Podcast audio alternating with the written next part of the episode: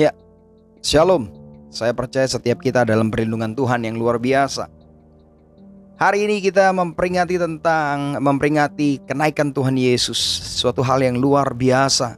Mari kita buka sama-sama di kisah para rasul. Kalau kita buka kisah para rasul kisah rasul 1 ya. Kita buka kisah rasul 1 di situ perikopnya tentang Yesus terangkat ke surga. Sebelum Yesus terangkat ke surga, dia bertemu dengan murid-muridnya, saudara. Dan murid-muridnya masih bertanya hal-hal yang jasmani. Hal-hal yang uh, mereka kehendaki, bukan apa yang Tuhan kehendaki. Ya, dikatakan gini, maka bertanyalah mereka yang berkumpul di situ, Tuhan maukah engkau pada masa ini memulihkan kerajaan bagi Israel? Ya, wajar karena mereka mengalami tekanan dan hidup mereka sengsara di dalam jajahan gitu ya. Jawabnya engkau tidak perlu mengetahui masa dan waktu yang ditetapkan Bapa sendiri menurut kuasanya tetapi kamu akan menerima kuasa kalau Roh Kudus turun ke atas kamu dan kamu akan menjadi saksiku di Yerusalem dan di seluruh Yudea dan Samaria dan sampai ke ujung bumi.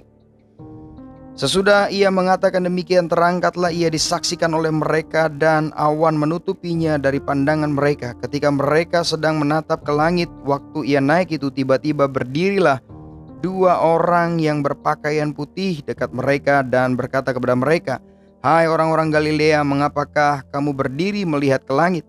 Yesus ini yang terangkat ke sorga meninggalkan kamu akan datang kembali dengan cara yang sama seperti kamu melihat dia naik ke surga. Wow, Yesus naik ke surga, satu-satunya nabi ya yang mati bangkit dan naik ke surga disaksikan ratusan mata pasang ya Pak, ratusan uh, pasang mata, sorry ya.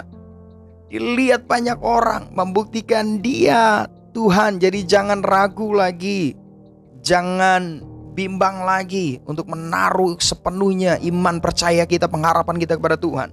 Dan di sini yang menarik buat saya dikatakan di sini ketika murid-muridnya bertanya kapan engkau akan memulihkan keadaan kami ya, keadaan uh, memulihkan kerajaan bagi Israel. Ini juga yang sering kita pertanyakan kepada Tuhan, Tuhan, kapan engkau akan pulihkan hidupku? Kapan engkau pulihkan perekonomianku? Kapan engkau pulihkan keluargaku? Kapan engkau kita menanyakan waktu Tuhan kapan? Sering kali kita bertanya ini kapan kapan kapan Tuhan kapan Tuhan? Kenapa?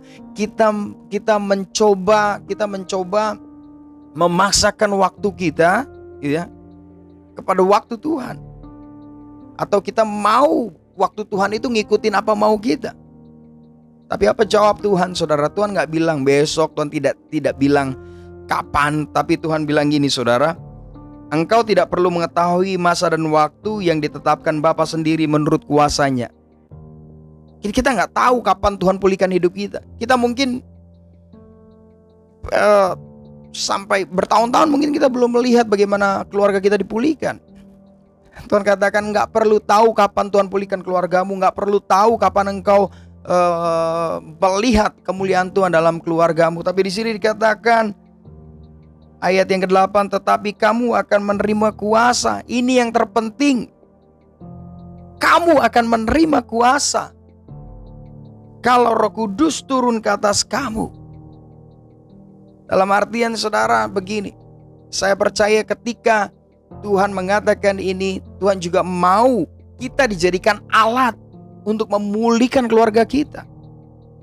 Kita dijadikan alat untuk memulihkan kota kita. Kita dijadikan alat Tuhan untuk memulihkan bangsa kita.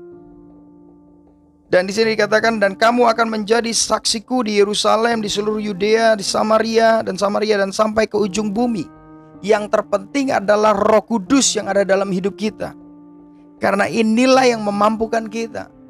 Inilah yang Tuhan mau Bahkan janji dalam perjanjian lama dikatakan bahwa dia akan hidup di dalam kita. Yeskiel 36 ayat 26 27. Ya.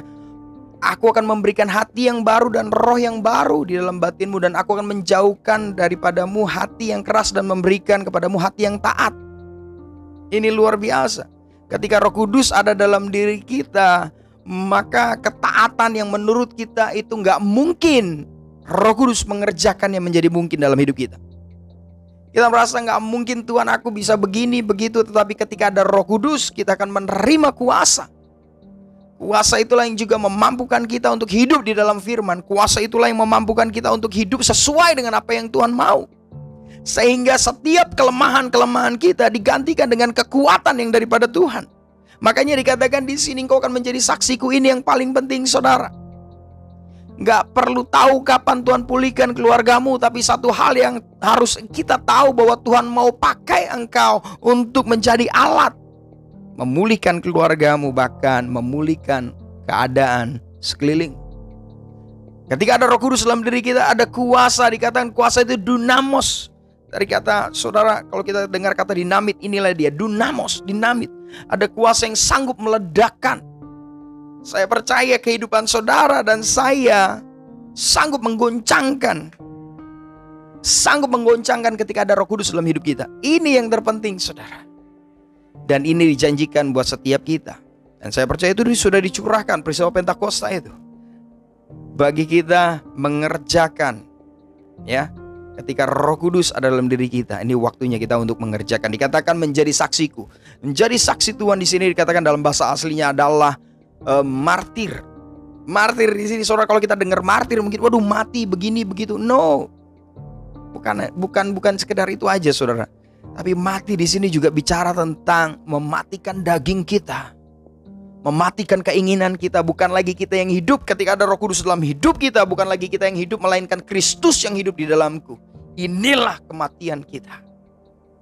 Mati untuk keinginan kita. Mati untuk kedagingan, kedagingan kita. Dan ketika kita mati buat kedagingan kita, kuasa yang dari kuasa yang daripada Roh Kudus itu mengalir mengalir dalam setiap kita, maka hidup kita akan menjadi hidup yang dipenuhi dengan kuasa dan mujizat terjadi dalam kehidupan kita.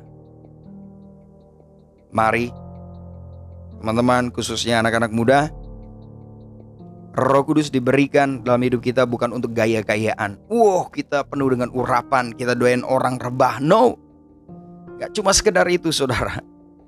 Tapi Roh Kudus dia berikan Tuhan berikan kepada kita supaya kita apa? menjadi saksinya. Lewat pikiran, perkataan, perbuatan, biarlah kita menjadi teladan. Tuhan Yesus memberkati. Shalom. God bless you.